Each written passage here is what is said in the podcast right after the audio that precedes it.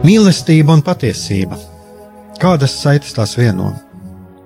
Mēs esam cieši saistīti pirmkārt ar sevi, ar savu būtību, un arī ar pārējo pasauli, ar līdzcilvēkiem, ar sabiedrību. Kur ir mūsu vieta šajā pasaulē? Kā mums katram atrast savu patieso aicinājumu un vietu? Kā sasniegt savas dzīves piepildījumu, mīlestību? Kādi šķēršļi gan mūsu sirdī un prātā sastopamie, gan ārējie aizķēso mūsu ceļu pie Dieva? Šie jautājumi ir mūsu dzīves sastāvdaļa, svarīgi mūsu ceļā uz svētumu. Meklēsim šajā raidījumā kopā atbildes uz šiem jautājumiem. Ieklausīsimies, ko Dievs mums vēlas pateikt ar visu, ko sastopam savā dzīvē.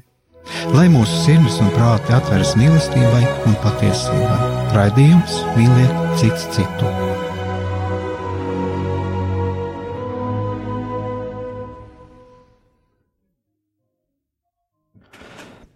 Lai top slavēts Jēzus Kristus, esiet sveicināti, darbie radio klausītāji. Šis ir raidījums Mīliet cits citu, un studijā esmu es, Aigars Brikmanis. Un šodien ir atkal tā diena, kad mums, diemžēl, viesis nevarēja ierasties, un tāpēc es nolēmu šo raidījumu atkal veltīt kādai kādai pāvesta homilijai, ko, ko ir teicis pāvests. Un eh, šodienas um, temats, ko es izvēlējos, ir eh, pāvesta 28. marta rīta svētās misijas homīlija. Un um, interesanti, ka pāvests uzsver uzsver to, ka mums ir vajadzīgs atgriezties. Un, eh, tā kā es šo arī izdrukāju no, no Vatikāna radio mājaslapas, es domāju, darbie radio klausītāji, kas jūs esat klausījušies eh, ceturtdienas vakarā vai piekdienas rītā šo Eh, Vatikāna radio jūs droši vien arī esat dzirdējuši, bet kas ir interesanti, ko es izlasīju arī šeit, šajā Vatikāna radio mājaslapā, ir atgādināts tā, ka tā kā rit lielā gavēņa laiks, viņš kārtējo reizi uzstājīgi aicināja mūs atgriezties. Tātad uzstājīgi, pāvests uzstājīgi aicina mūs atgriezties. Un, eh, ja mēs eh, tā padomājam, ko tad nozīmē atgriezties, es domāju, ka mums, eh, darbie radio klausītāji, ir šis gavēņa laiks.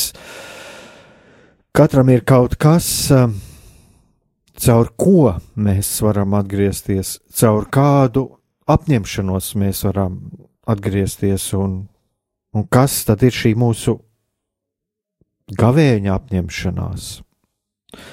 Un es domāju, ka varbūt kādam no mums ir, kādam no mums varbūt nav tādas īpašas gavēņa apņemšanās, bet tagad atgriežoties pie tā, ko runā pāvests, Viņš, nedo, viņš šajā homilijā, ja mēs tā paskatāmies, viņš nerunā par to, par kaut kādām gavēņa apņemšanām, bet viņš runā par to, ka mums ir vajadzīgs būt nomodā par savu sirdi. Un tā kā tā ir homīlija, tad viņš atsaucās uz, uz šīs dienas, tātad uz 4. 28. mārta uh, svēto misi, svētās misijas homīliju, uh, svētajiem rakstiem. Tātad, tātad pāvests atsaucas uz 28. mārta um, uh, liturģiskā lasījuma svētiem rakstiem. Un uh, tātad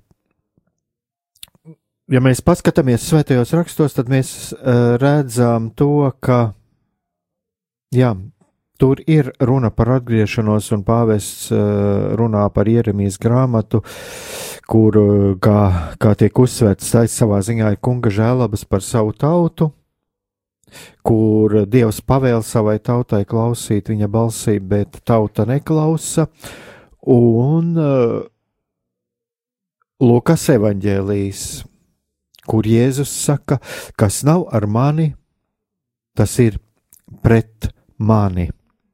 Un šeit uh, mēs arī mm, varam paklausīt, ieklausīties savās sirdīs, varbūt arī, darbie radioklausītāji, un varbūt arī, varbūt es pats, un arī jūs šī raidījuma, raidījuma gaitā varbūt mums būs iespēja arī ieklausīties, kas mums katram ir šie vārdi, ko Jēzus saka, kas nav ar mani, tas ir pret mani.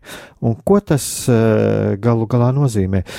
Um, es atkal vēlos, kā jau šajos raidījumos es bieži vien atgādinu, es vēlos atgādināt, ka šis nav kaut kāds eh, pāvesta domu skaidrojums, bet šis ir aicinājums vairāk ieklausīties tajā, kā pāvesta teiktie vārdi sasaucās ar to, kas ir mūsu sirdīs, kas ir mūsu prātos, e, kas kādas sirdstīgas aizskar šie vārdi un, un varbūt arī rada mūsos kādas, kādas izjūtas, kādas pārdomas, un, protams, ka katram tas var būt uh, kaut kas savs. Uh, Tātad galvenais ieklausīties, eh, kas tiek aizskarts tieši manā sirdī. Kādas jūtas, kādas domas raisās tie vārdi, ko saka pāvests.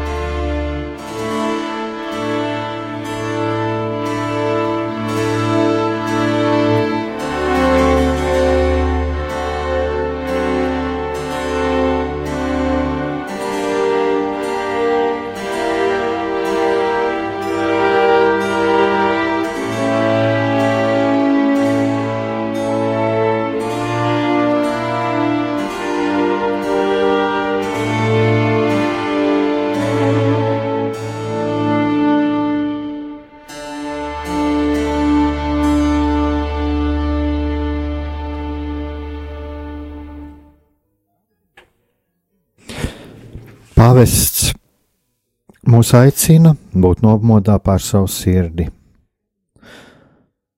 Un pāvests saka, ja tā nedzird kunga balsi dienām, mēnešiem un gadiem, tā kļūs kā sausa zeme bez ūdens un nocietinās. Es domāju, ka mēs um, esam dzirdējuši par Dieva vārdu, Dieva vārds, kurš atveldzē mūsu, atveldzē mūsu sirdis, mūsu dvēseles, un kā mūsu dvēseles arī kļūst kā izkautusi zeme bez dieva vārda. Šeit pāvests runā par kunga balsi. Un, kā jau es minēju, arī pirms muzikālās pauzes, tā kā tā ir Tā bija 4. 28. mārta rīta svētās mises homīlija, tātad attiecīgi arī attiecīgās, attiecīgās vietas no svētajiem rakstiem, un šeit pāvests no Jeremija grāmatas runā, un runā par kunga žēlabām, kas varbūt mums varētu tā likties visvarenais dievs žēlojas par savu tautu, par tautu, kura neklausa.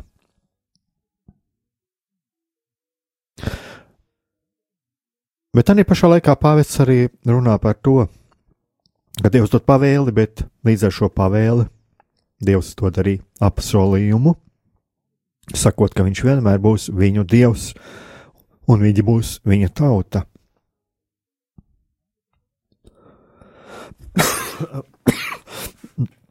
Atvainojiet. Tātad viņi būs viņu dievs un būs viņa tauta. Un Francisks aicina mūs padomāt, vai arī mēs nerīkojamies līdzīgi. Vai mēs nerīkojamies pēc sava prāta un pēc savas ļaunās sirds samaitātības, vai nepagriežam dievam muguru?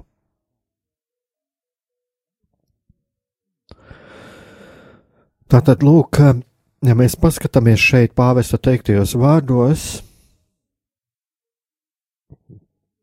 tad liekas, vismaz man tā, es to redzu, šie vārdi patiesībā ir ļoti skarbi. Un pāvis arī turpina, varbūt mēs neņemam Dievu vērā, varbūt apzināmies, ka Viņš ir, bet rīkojamies pēc sava prāta.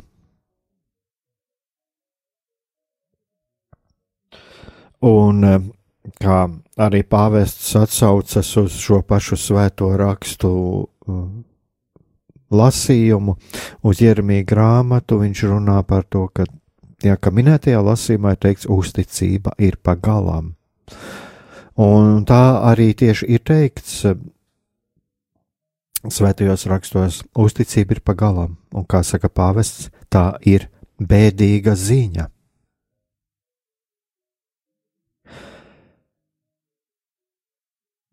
Bet es domāju, ka šeit ir vērts ieklausīties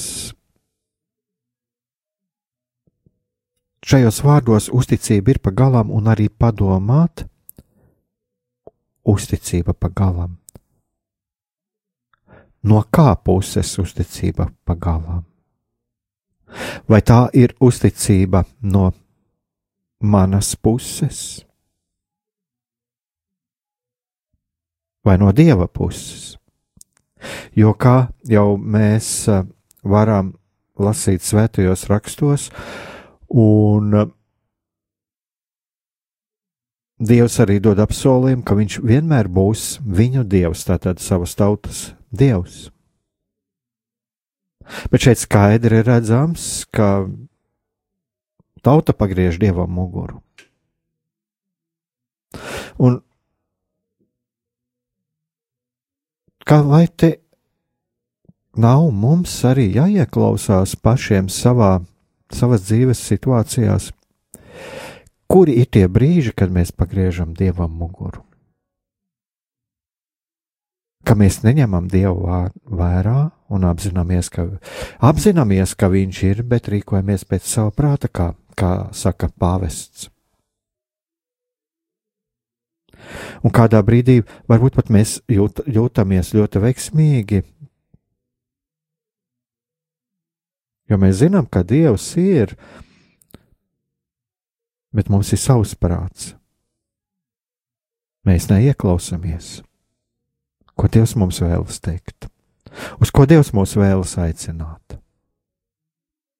Un eh, kā kādreiz jau es esmu arī šeit, iepriekšējos raidījumos kādreiz ir runāts, varbūt pat objektīvi laba lieta, ko mēs darām, ko mēs ejam, bet vai tas ir tas, uz ko Dievs mūs aicina?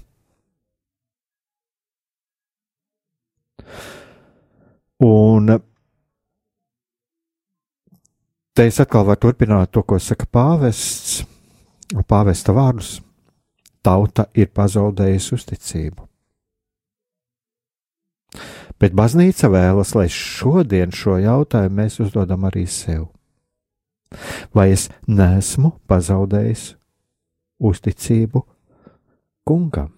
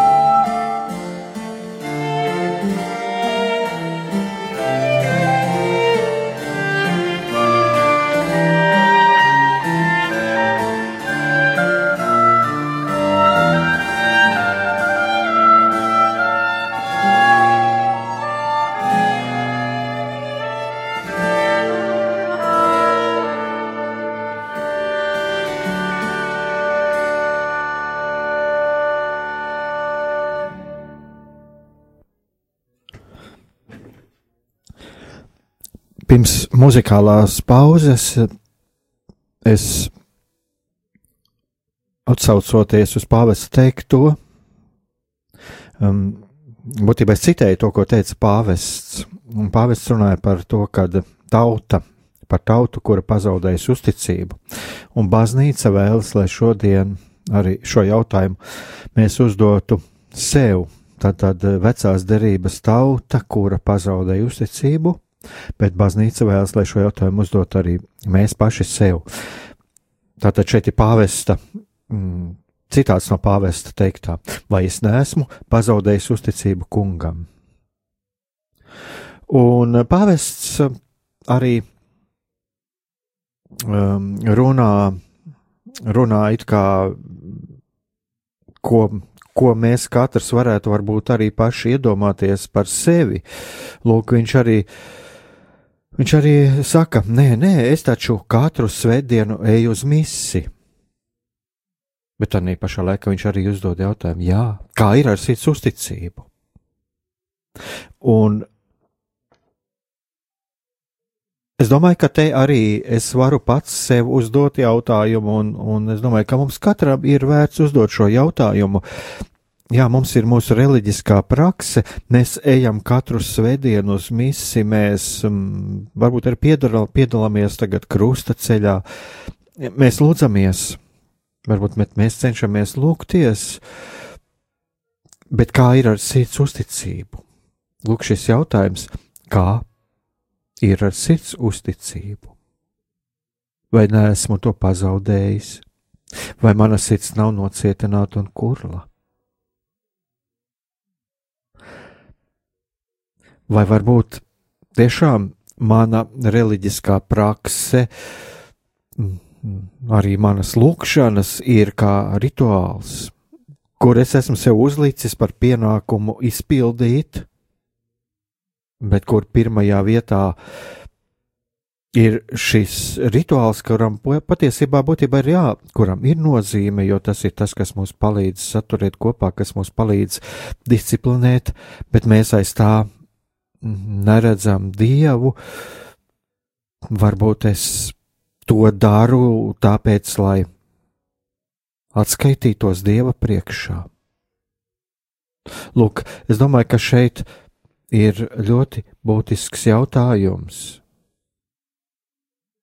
Es eju uz misi, bet vai tajā pašā laikā mana sirds ir atvērta kungam?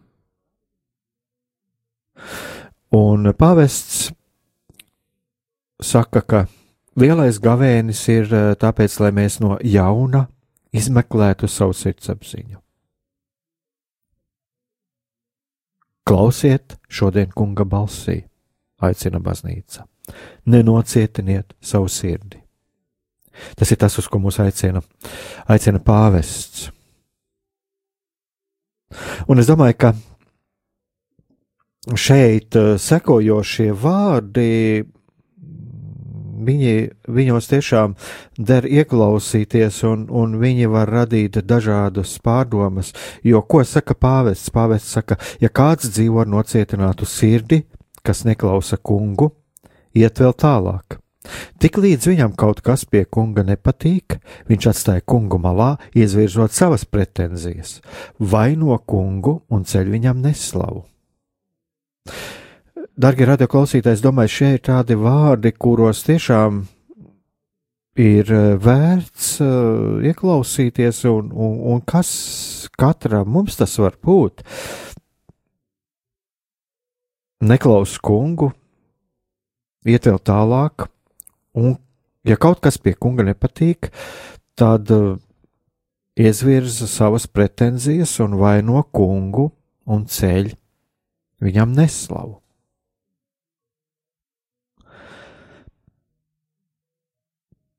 Pie kunga nepatīk.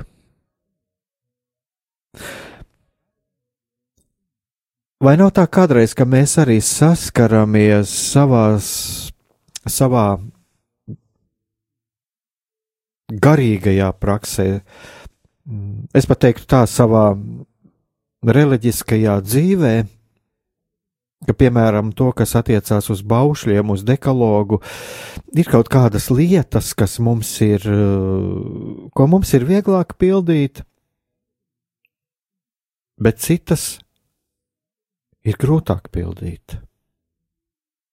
Un tad ir tā, kad mēs um, kaut ko no baušļiem mēs pildām, mēs labprāt pildām to, bet tās lietas, kuras mūs um, ved projām no mūsu ceļa, uz svētumu, no mūsu ceļa pie Dieva, tās mēs cenšamies nepamanīt, un tās mēs atstājam otrā plānā.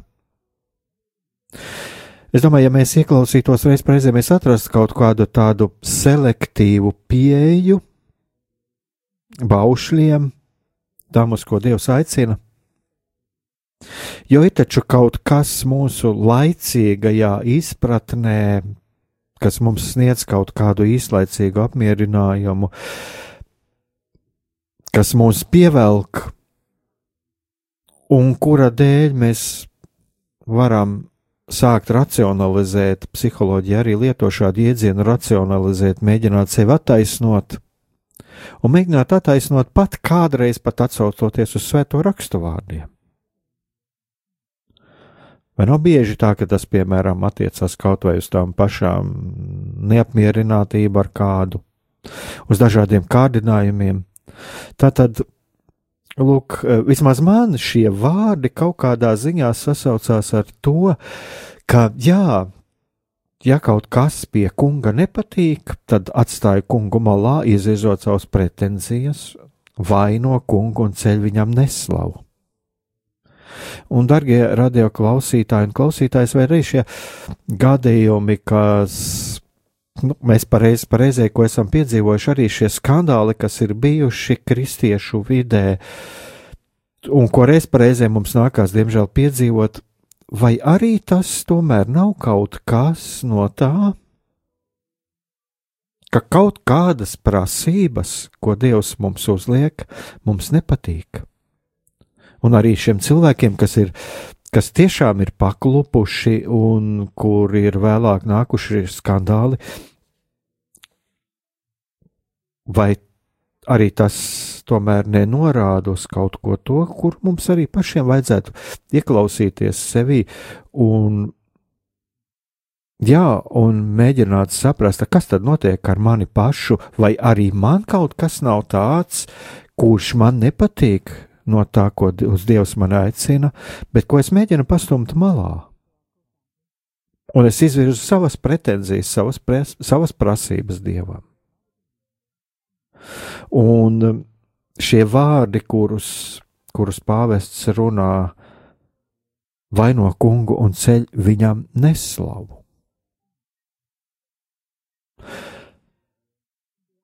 Kādā veidā es varu celt neslavu kungam?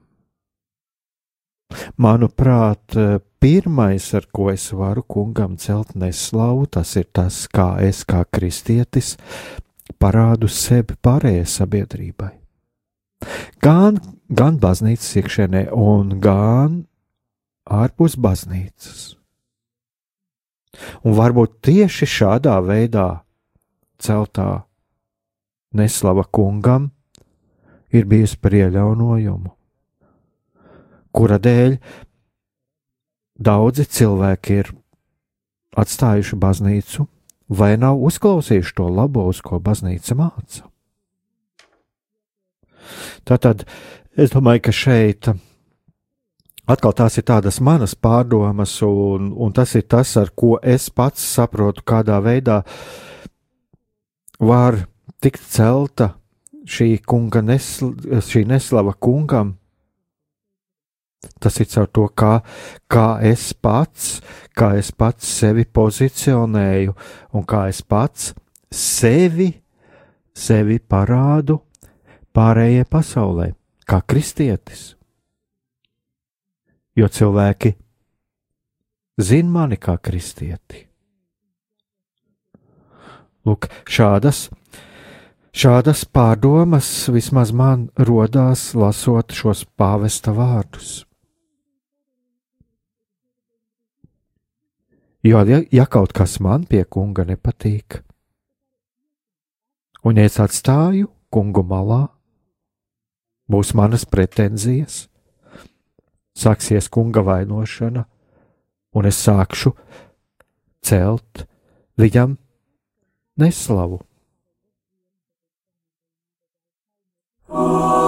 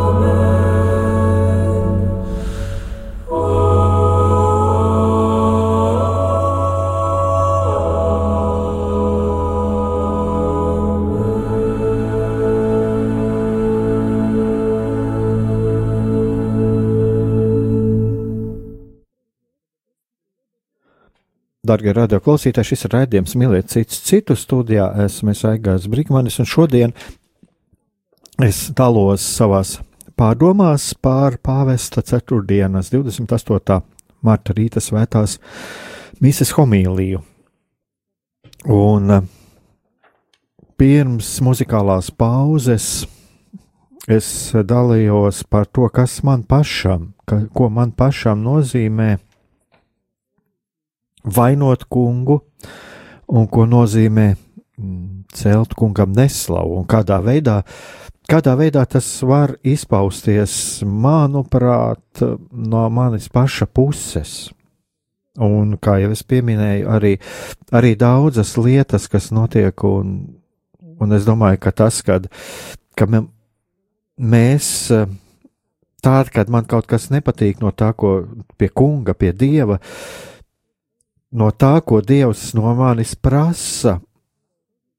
Un, kad es atstāju Dievu malā, saka šī selektīvā pieeja, selektīvā pieeja tam, ko māca Dievs, ko, ko māca dekologs, ko māca baznīca. Un es izvirzu savas pretenzijas. Manuprāt, tad ienāk iekšā šis egoisms, caur kuru es ievainoju kādu cilvēku, kaut kādā veidā es nodaru pāri, vai ar savu egoismu, vai ar savu rīcību, un tādā veidā arī tiek celta, celta neslava kungam. Bet eh, tā ir tā, tas, tas, varam to saukt varbūt par tādu interpretāciju vai tāda kā refleksija, ko šie vārdi, ko šie vārdi izraisa manī, ko šie pāvestu teiktie vārdi. Bet eh, tagad es tieši pievērsīšos, um, ko runā pā, pāvests. Un pāvests skaidro arī, ko nozīmē vainot kungu un celt viņam neslavu, atsaucoties uz evaņģēliju, uz Lūkas evaņģēliju, 11. nodaļa, no 14. līdz 23. pāntam, kas ir šīs 20 8. marta lasījums, un tur ir eh, stāstīts, kā Jēzus izdzen ļauno garu. Un, eh,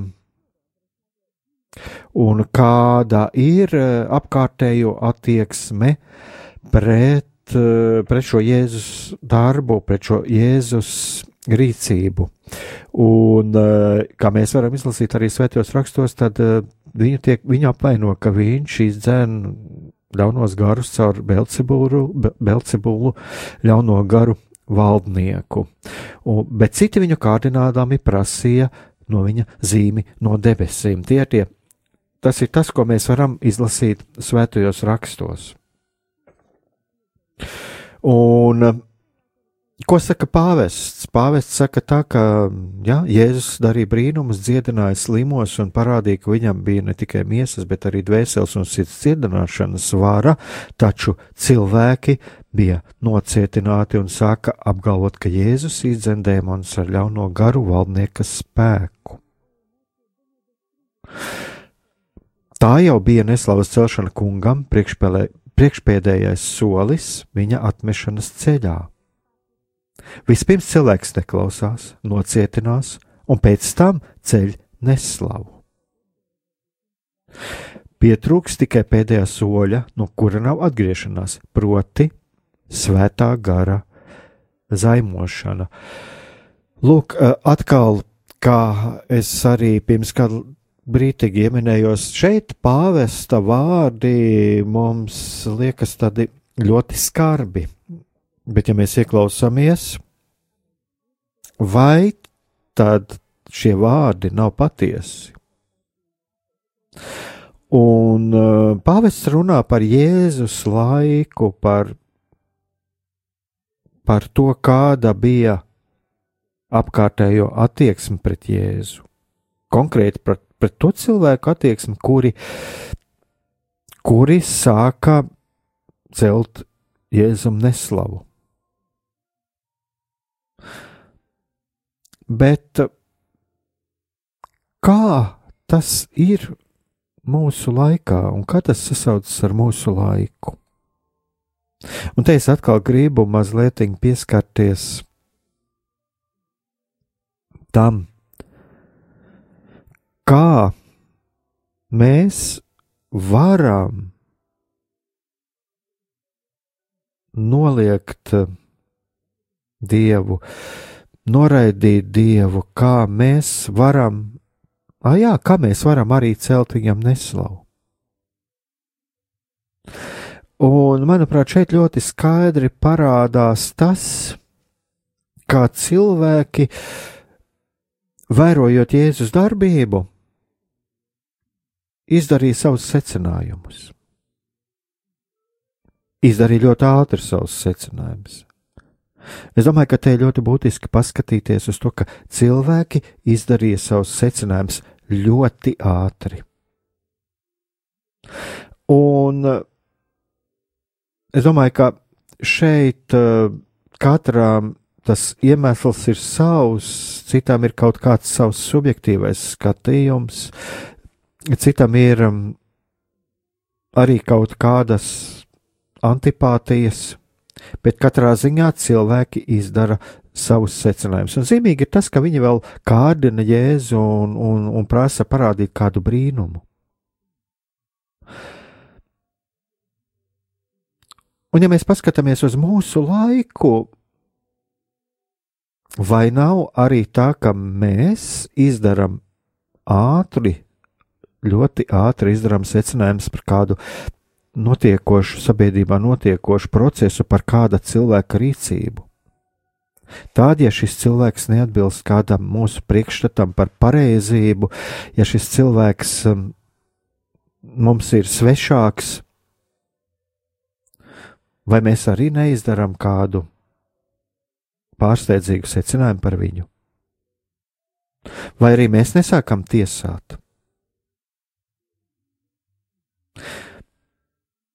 Vai arī mēs neizdarām par cilvēku secinājumu, pat nemēģinājuši uh, viņā ieklausīties, pat nemēģinājuši ar viņu varbūt parunāt, pajautāt viņam, kāpēc viņš tā dara, kāpēc viņš tā rīkojas, kāpēc viņš tā runā. Un pāvests ļoti precīzi, manuprāt, arī parāda šo mehānismu, kā tas darbojas. Vispirms cilvēks neklausās, tad nocietinās un pēc tam ceļ neslavu.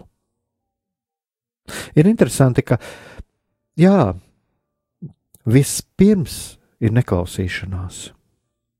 Vai nav arī tā, ka mēs, runājot arī kā jūs dzirdējāt šeit, ko pāvests saka, ka cilvēks, jā, viņš saka, es katru svētdienu eju uz misi. Vai arī mums reizi pa reizei tā nav, ka mēs, jā, mēs esam, varbūt eh, mūsu reliģiskā dzīve ir ļoti aktīva, ārēji ir ļoti, ļoti, ļoti pareiza, bet tajā pašā laikā mēs neesam atvērti uz citiem cilvēkiem. Mums ir šaurs uh, savu domu biedru, mums līdzīgo lokus, kurā mēs jūtamies ļoti droši un, un uzklausīti, bet mēs baidāmies no, no tā, kad atnāk kāds cits, kuru mēs nesaprotam. Un vai šis solis, šī neieklausīšanās, būtībā šī pretim nespēršanas solis, vai tas nav tas vispirms? Vispirms cilvēks neklausās, nocietinās un pēc tam ceļ neslavu. Un vai tādā gadījumā nav tā, ka mēs noraidām pašu Jēzu caur šo cilvēku, kas nāk pie mums, vai kuru mēs kaut kur redzam? Un tam nebūtu nav jābūt kristietim, tam nebūtu nav jābūt piederīgam pie mūsu konfesijas vai pat pie mūsu ticības, pie mūsu, pie mūsu reliģijas. Bet šis cilvēks dara kaut ko labu. Varbūt šis cilvēks nāk pie mums ar kādu padomu, vai varbūt šis cilvēks mums prasa pēc palīdzības. Varbūt šis cilvēks grib mums pateikt savu viedokli, bet mēs viņu noraidām tikai tāpēc, ka mēs nevēlamies viņā ieklausīties, jo tas izsita mūs no kaut kāda mūsu iekšējā, subjektīva, mākslīgi uzturētā līdzsvara, rada mūsos kādas iekšējas vētras, kādas pārdomas, kuras liek mums pārvērtēt, vai tas, kā es redzu pasauli, vai tas, kā es redzu galu galā Dievu, un vai tas, kā es galu galā skatos arī uz to, ko Jēzus savā laikā darīja, vai tas vienmēr ir pareizi. Un varbūt man pašam ir jāmaina kaut kas savā nostājā pret Dievu, pret sevi un līdz cilvēkiem. Lūk, šādi Šādas pārdomas arī man rodās, ja es mēģinu saprast un pārcelt to notikumu, kas notika Lūkas evanģēlijā aprakstītajā Jēzus laika notikumā, kur Jēzus tika apvainots, tika apmelots būtībā par to, ka viņš darīja labu. Un kā to mēs varam pārcelt uz šodienu? Tātad, lūk, šeit ir tas, par ko pāvests runāja.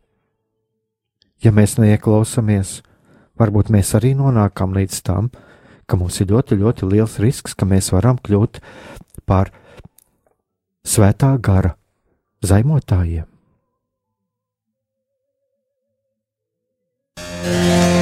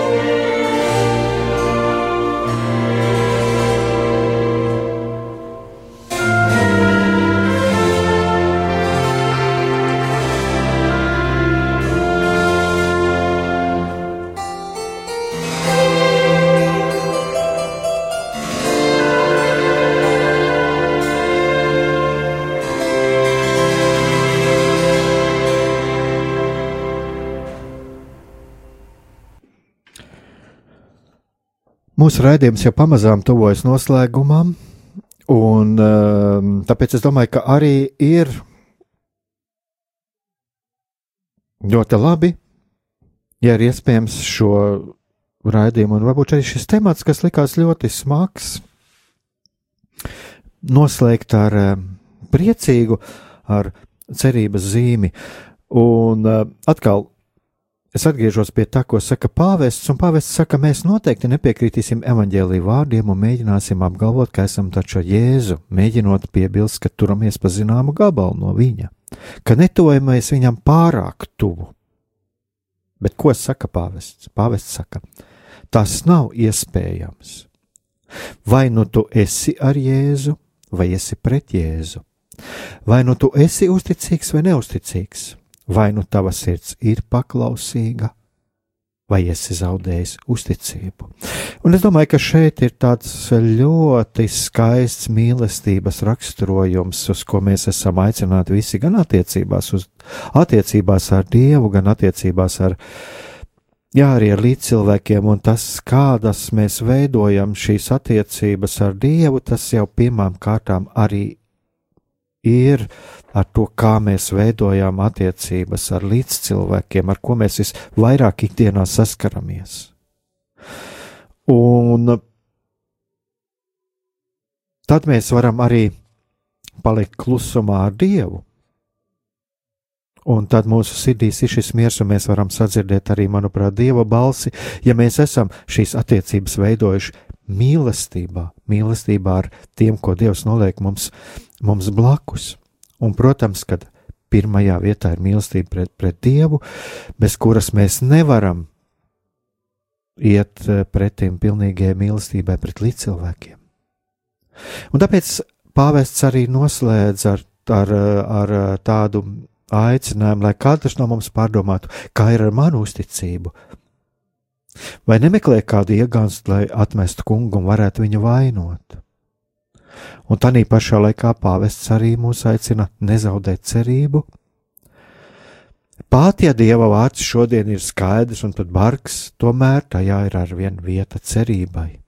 Un atcerēsimies, kā arī tie cilvēki, kurus mēs eh, patiešām, ka, kuru, kuri mums ir mīļi un dārgi, pret tiem mēs arī kādreiz pasakām kādu skarbāku vārdu, jo mēs vēlamies, lai viņi kaut ko mainītu savā dzīvēm lai viņi mīles, mīlestībā sakam šo vārdu. Tur, kur mēs redzam viņiem briesmas, un Dievs ir tāds pats. Un eh, pāvests, kas, kā saka pāvests aicinājums atgriezties, vienmēr paliek spēkā. Atgriezieties pie kunga sava dieva, jo viņš ir laipns un žēlsirdīgs. Tātad atgriezieties pie dieva, ja viņš ir laipns un žēlsirdīgs. Un ko saka pāvests? Uz ko pāvests aicina šajā laikā, uz šajā žēlsirdības laikā? Kungam ir svarīgi tas, lai mēs nāktu pie viņa. Tieši tas ir svarīgi. Šis ir žēlsirdības un kunga labvēlības laiks. Atvērsim savu sirdi, lai viņš ienāktu mūsos. Tie ir šie vārdi, ar kuriem pāvests noslēdza šo 28. marta homīliju. Tātad šis ir žēlsirdības laiks un kunga labvēlības laiks. Atvērsim savu sirdi, lai viņš ienāktu mūsos.